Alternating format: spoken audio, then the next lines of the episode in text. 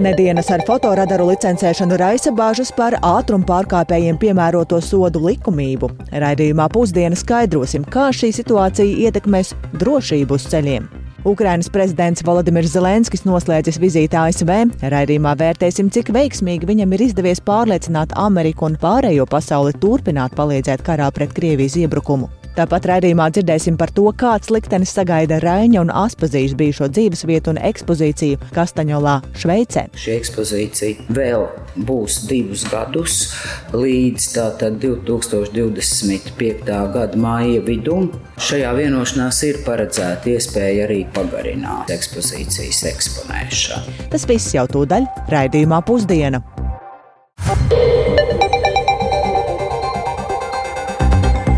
Piecas minūtes pāri 12. skanējuma sāk ziņu raidījums pusdiena, plašāk skaidrojot šīs dienas, 22. septembra būtiskākos notikumus studijā. Dāca Pēkšēna, esiet sveicināti! Un sāksim ar to, ka aizvien nav skaidrības par sabiedrisko mediju finansējumu. Vēl pirms pāris nedēļām Saimas cilvēktiesību un sabiedrisko lietu komisija konceptuāli lēma, ka sabiedriskajiem medijiem nākamajos gados ir jāpiešķir vairāk naudas, bet Finanšu ministrija sagaida skaidrāku redzējumu no sabiedrisko elektronisko plašsaziņas līdzekļu padomis. To vai papildu nauda būs un vai ir atbalsts sabiedrisko mediju apvienošanai šodienas spriež diskusijā par valsts politiku sabiedrisko sabiedrisko mediju attīstības jautājumos. Un tai līdzi seko arī kolēģis Jānis Kīncis, kurš šobrīd man līdzās studijā. Sveiks, Jāni, un saki, jā, nu, šajā brīdī par to, kā sabiedriskais medijs izskatīsies turpmāk, un pats galvenais, vai tas būs pienācīgi finansēts, īsti skaidrības nav, bet kas ir zināms par sabiedrisko mediju apvienošanu?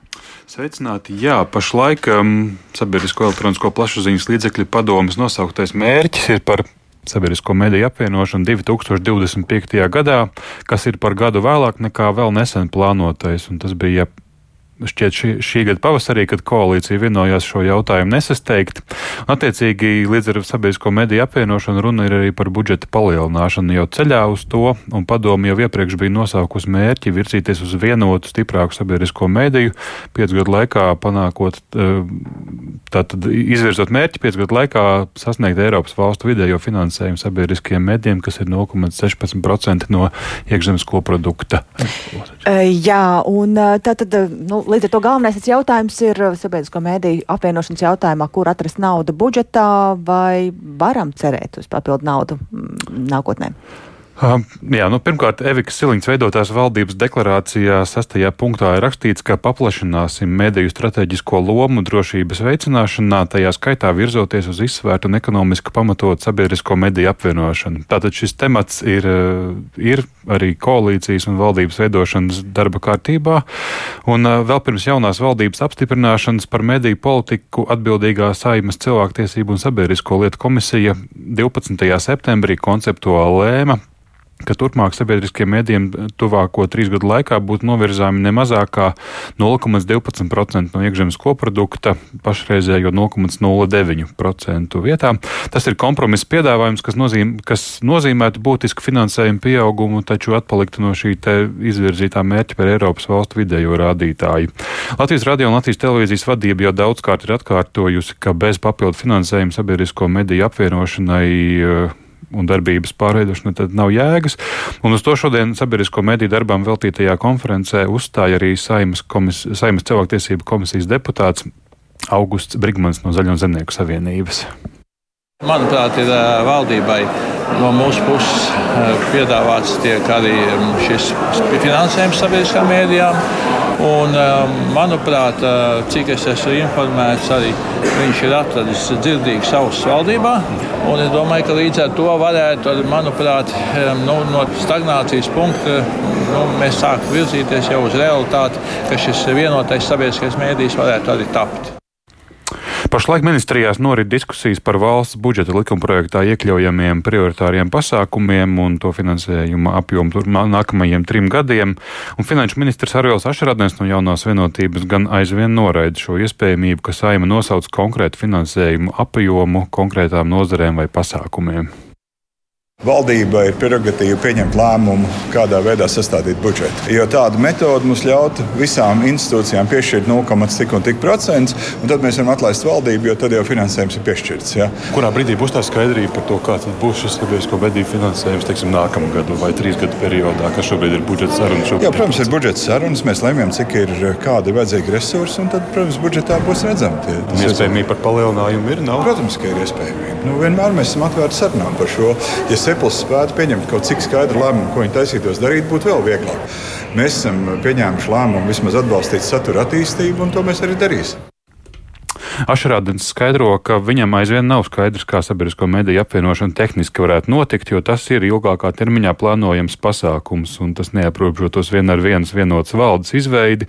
Uh, valdības reakcija pašlaik, ja sabiedrisko mediju infrastruktūras attīstība vēl nav skaidra, tad satura attīstībai turpmākajos trīs gados budžetā būšot rezervēti ik gadu papildu 5 miljonu eiro sabiedrisko mediju satura attīstībai.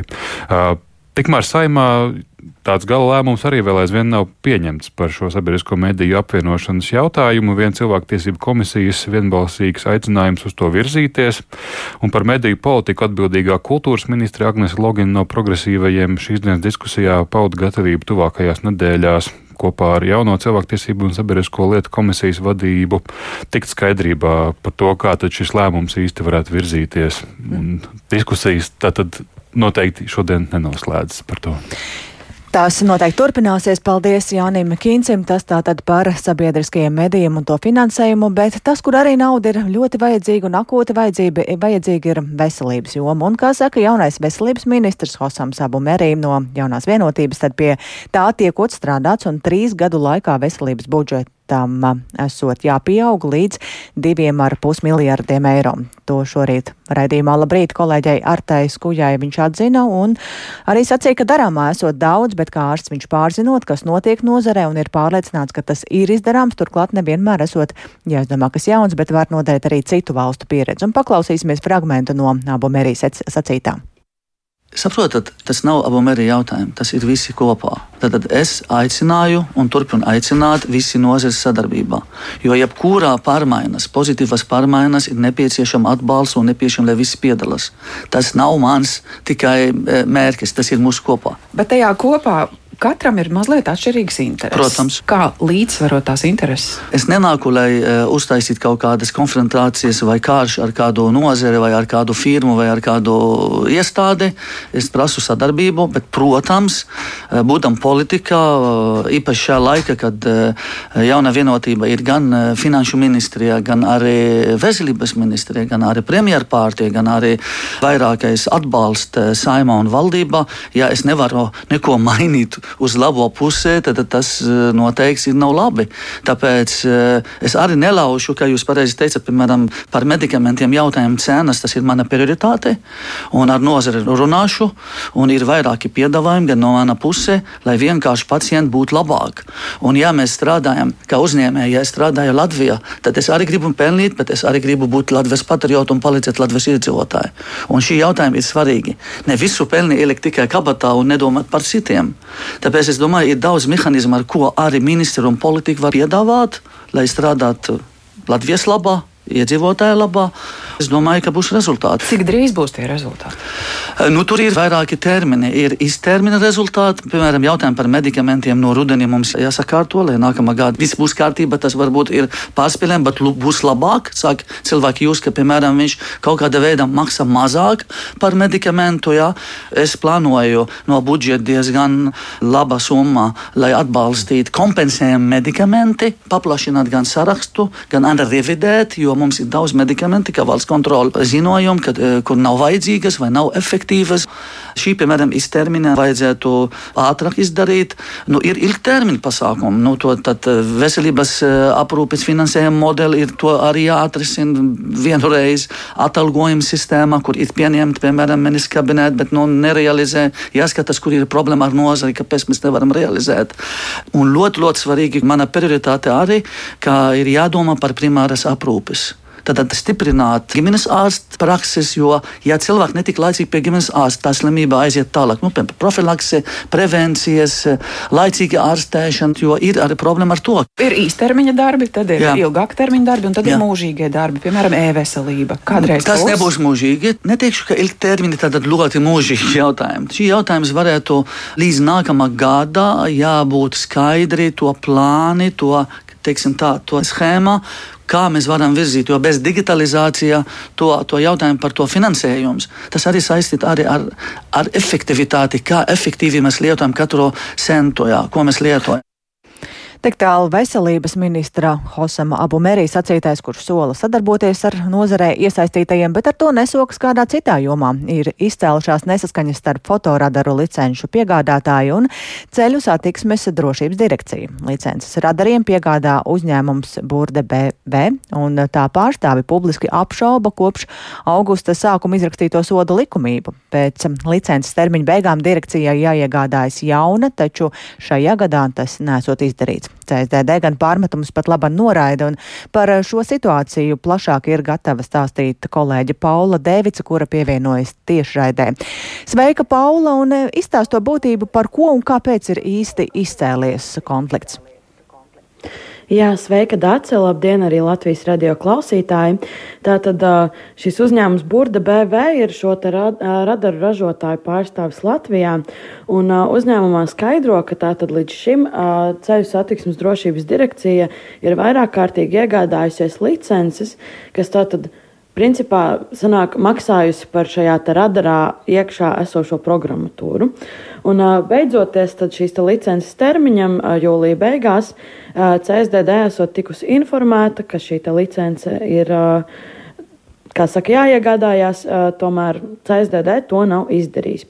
Un šis uzņēmums Burda BV uzskata, ka tā tad turpinot fotoradaru darbu bez licences, esot principā notikusi programmatūras uzlaušana, un visi šie simts stacionārie radari no 30. jūlija principā strādā tātad bez licences, un darbība tā ir uh, neleģitīma. Uh, savukārt uzņēmums CSDD, uh, kurš pauž pozīciju, ka šobrīd fotoradaru un programmatūra, pēc, kas ir iepirkta, iepirkumā, ir CSDD īpašums. Un, līdz ar to nevar būt runa par programmatūras uzlaušanu. Uh, CSDD arī norāda, ka šis jautājums par licenci un, un šī, šis strīds ir tātad tā, tā, civiltiesiska rakstura, un līdz, līdz tas strīds nebūs atrisināts tiesiskā veidā, CSDD tādos garos komentāros pašlaik neielaižas. Bet tā, paklausīsimies, ko par šo stāstu uzņēmuma Burda BV pārstāve Una Indāne. Mēs nekādā brīdī neesam apšaubījuši par to, ka radari būtu kāda cita īpašumā. Mēs simtprocentīgi piekrītam, ka visi stacionārie radari ir ceļu satiksmes drošības īpašums arī saprotot, ka viņi visi ir verificēti. Tas nozīmē, ka viņi ir pārbaudīti viņu mērījumos metroloģiskā darbība. Mēs to nekādā brīdī neesam apšaubījuši. Taču visai radiālo darbības uzturēšanai ir programmatūra. Kā mēs zinām, tad programmatūrai ir nepieciešama licence, un šāda licence nav tikusi iegādāta. Jā, tikko dzirdējām tātad uzņēmuma Burda BV pārstāvi Unu Indāni. Dace? Jā, Paula, nu kamēr notiek šis strīds, rodas jautājums, ko īsti darīt tiem iedzīvotājiem, kuriem ir izrakstīti sodi kopš augusta sākuma, gan gadījumā, ja tie ir apmaksāti, gan arī gadījumā, ja tie nav apmaksāti. Jā, nu tā tad cilvēkiem, kuriem šie sodi ir izdarīti, jau ir izrakstīti kopš augusta sākuma, noteikti tiem, kuriem nav samaksājuši, ieteiktu noteikti samaksāt un neizdarīt vēl vienu pārkāpumu. Tā kā strīds tiek risināts tiesiskā ceļā, šis uzņēmums Burda BV ir arī iesniedzis prasību pret CSDD prokuratūrā. Tātad vienkārši gaidīsim, kā tad strīds tiks atrisināts un tad arī redzēsim, ko tālāk darīt. Un uh, CSDD, kā jau es apgalvoju, apgalvo, ka tātad te, šie sodi ir leģitīmi un uh, fotoradari tiek izmantoti arī leģitīmi. Un paklausīsimies, ko tad stāsta direkcijas pārstāvis Mārtiņš Malmeisters. Ir administratīvie sodi, kas ir piešķirti autovadītājiem par ātrumu pārkāpumiem. Tie ir tiesiski, tie visi ir jāapmaksā noteiktajā termiņā. Un vēlreiz uzsveram to, ka ātruma pārkāpšana uz Latvijas ceļiem ir pārkāpums. Ir jāievēro pakļautais braukšanas ātrums, un līdz ar to arī ceļu satiksme būs daudz drošāka.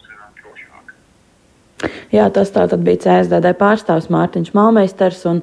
Atgādināšu, ka tātad arī tiem, kas sodas jau ir samaksājuši, šobrīd varbūt lieki par to nedomāt, nestraukties, vienkārši skatīties, kā tad atrisinās šis strīds. Paldies Paulai Devicai par šo skaidrojumu, bet šajā brīdī mēs programmu pusdiena turpinām ar um, citiem notikumiem. Pirmie ASV tanki Abrams um, Ukrainā nonāks nākamnedēļ. Tā uzņemot Baltajā namā Ukrainas prezidentu Volodimiru Zelenski paziņojas Amerikas Savienoto valstu prezidents Joe Biidens. Savienotās valstis Ukrainai sniegs arī jaunu militārās palīdzības paketi. Tiesa daļa republikāņu politiķu uzskata, ka naudu Ukrainai vairs nevajadzētu dot.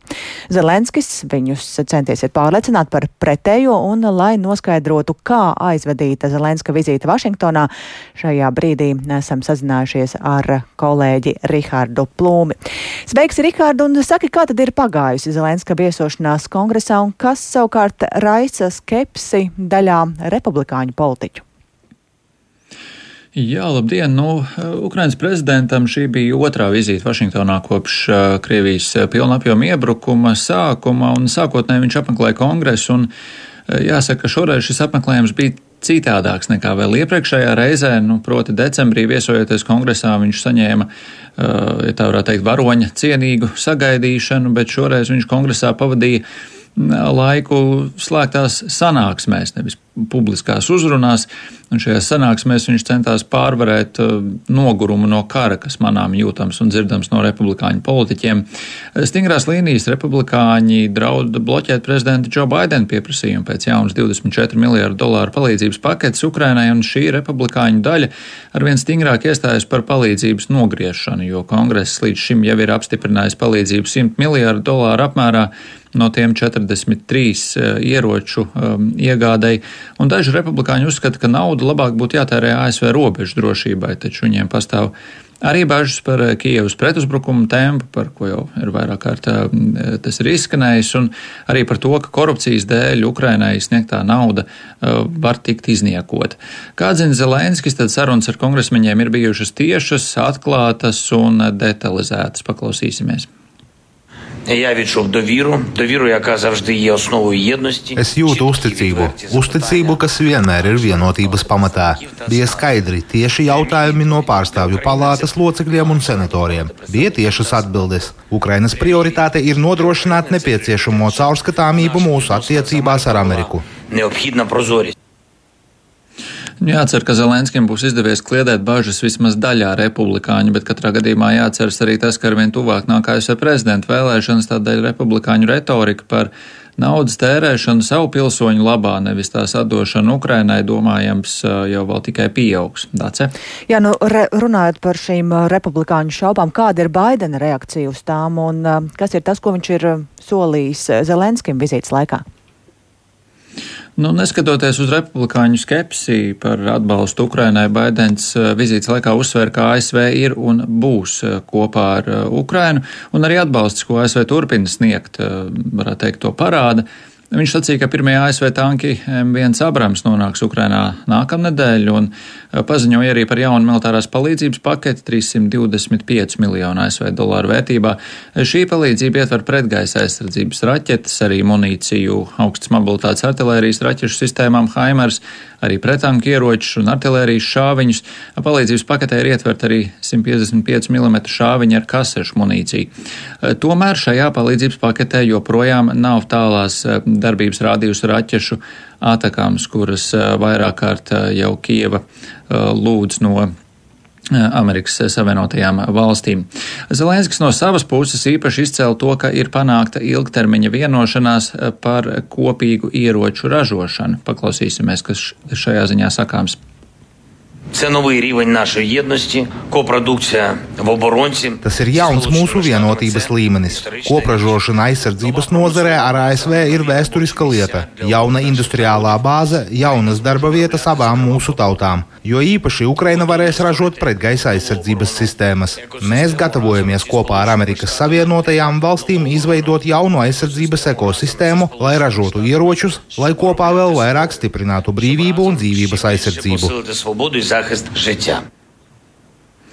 Jā, nu pēc vizītes Vašingtonā Zelenskis jau ir ieradies Kanādā, kur viņš tiksies ar Kanādas premjeru Justinu Trudeau un teiks uzrunu Kanādas parlamentā. Redzēsim par kādām sadarbībām un palīdzības jautājumiem Kanādā netiks lēmts un kādi būs paziņojumi. Dace? Jā, Rihard, tā pavisam, pavisam īsi, burtiski divos teikumos, kā tu pats vērtētu Zelenska vizīti?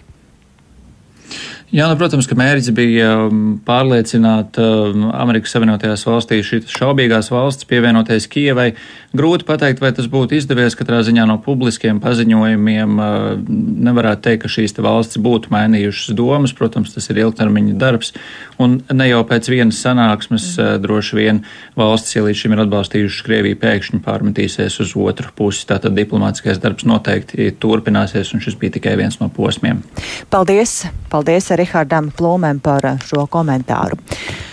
Un vēl Rainim un Aspazijai veltīta muzeja ir ne tikai Latvijā, bet vismaz pagaidām tāds ir arī Šveicē, Lugano, taču 2025 gadā to ir paredzēts slēgt. Tā Latvijas radio paziņoja Šveices latvieta Vita Matīs, un viņai šī kultūra vieta, kas stāsta par dižo Latvijas dzēnieku darbību trimdā, ir mūža darbs no sākuma brīvprātīgs, pēc tam jau kā satura autorē Latvijas kultūras ministrijas komandā, kas veidoja pirms pieciem gadiem atklāto muzeja ekspozīciju eh, Rainis un Aspazīs starp Latviju un Šveici. Kā šo situāciju skaidro atbildīgās institūcijas Latvijā, to paklausīsimies Ievas puķis veidotajā sižetā.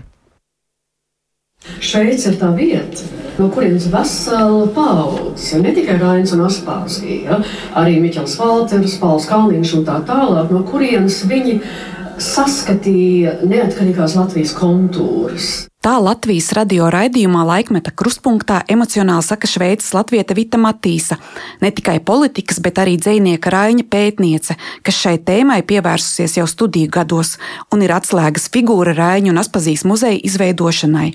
Matīsa turpina. Bet, ziniet, sākot ar 25. gadu, muzejs vairs tur nebūs. Latvijas valsts nevarēja vai nemācēja vai nesaprat, ka muzeja iekārtošana, ko viņi izdarīja ļoti labi, tā ir viena lieta, bet tas ir tikai varbūt 5% no darba apjoma. 95% darba apjoms tur bija intensīvs darbs ar vietējiem cilvēkiem, komunikācija un tā tālāk. Un man nesaprotam iemeslu dēļ oficiālās eh, Latvijas institūcijas trīs gadu garumā neuzskatīja, ka šī komunikācija bija nepieciešama. Vai tiešām Raiņu un Aspazīs muzeja Lugano ir paredzēts slēgt, un kāpēc Latvija to ir atstājusi novārtā? Jautāja kultūras ministrijas sabiedrisko attiecību nodaļā un saņem atbildi, ka vairāk to var komentēt Memoriālajā muzeja apvienības vadītāja Rita Meinerte, jo šīs iestādes pāraudzībā atrodoties arī Raiņa un Aspazīs muzejs Lugano. Meinerte gan sarunā no šīs atbildības uzreiz norobežojas. Muzejs nav zem Memoriālo muzeju apvienības. Memoriālo muzeju apvienība izveidoja jauno ekspozīciju un iekārtoja. Raņa piemiņas vietu Kastaņolas ciematā, kas vēlāk tika iekļauts Lugano, otrā pasaules kara bēgļi no Latvijas sāka veidot jau pagājušā gadsimta 50. gadu beigās. Pirmo memoriālo istabu atvēra 60. gadu vidū, uz Raņa simtgadi, bet patstāvīgs Raņa un Aspazīs muzejs durvis vēra 1980. gadā, stāsta Rita Mēnerte. Pēc Latvijas valstiskās neatkarības atgūšanas muzejs kļuva par galamērķi arī kultūras turistiem no Latvijas, kas vēlējās vairāk uzzināt par dzinieku dzīvi emigrācijā 14 gadu garumā. Kā pāraudzībā tagad tas muzejs ir? Nu, tā tad šīs attiecības ir, ne, nu, viņš nevar būt zem mūsu pāraudzības. Ja? Tā tad šobrīd ir šie sadarbības līgums, tagad ir vienošanās arī nu, turpināt par to, ka mēs Latvijas pusi esam izveidojuši ekspozīcija, nu, kur savā ziņā ir deponēta Lugano. Un viņi nodrošina šīs ekspozīcijas uzturēšanu. Proti, tā ir telpa un viss, kas saistīts ar šīs telpas uzturēšanu. Nevis Latvija. Nē, nē, nē. Latvijas puses ieguldījums ir ekspozīcijas izveide. Jaunajā ekspozīcijā Latvija ieguldījusi 58 tūkstošus eiro, taču lēmumu par muzeja slēgšanu nesot pieņēmusi Latvijas puse. Mājā mēs pagarinājām vienošanos par to, ka šī ekspozīcija vēl būs divus gadus līdz 2025. gada māja vidum.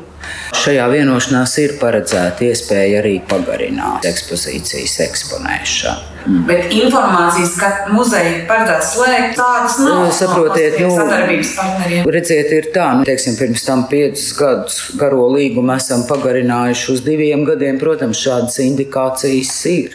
Rita Meinerte pieņem, ka līdz ar pandēmiju ir apsīkusi turistu plūsma no Latvijas, taču datus par to Šveices pusi nesniedzot. Memoriālo muzeja apvienībai ir gana rūpju par četriem citiem Rainim un Aspazijai veltītajiem muzejiem jau tepat Latvijā - Jasmuižā, Tadenavā, Rīgā un Jūrmalā. Ieva Puķa, Latvijas radio. Un ar šo stāstu izskan redzējums pusdiena. Producents Kārlis Dagilis ierakstus montēja Kaspars Groskops par labskaņu rūpējās Una Gulbe un ar jums sarunājās Dācis Pēkšēna. Vēl īsi par būtiskāko aizvien nav skaidrības par sabiedrisko mediju finansējumu nākotnē. Baidens Zelenskim Vašingtonā sola Abrams tankus piegādāt jau nākamnedēļ un nedēļas ar fotoradaru licencēšanu raisa bažas par ātrumu pārkāpējiem piemēroto sodu likumību. Atgādināšu vien to, ka raidījumu pusdienu var klausīties arī sev konkrētā laikā Latvijas radio mobilajā lietotnē, ierakstot dienas ziņas. Un tāpat arī Latvijas radio ziņām var sekot līdzi sabiedrisko mediju portālā LSMLV. Yeah.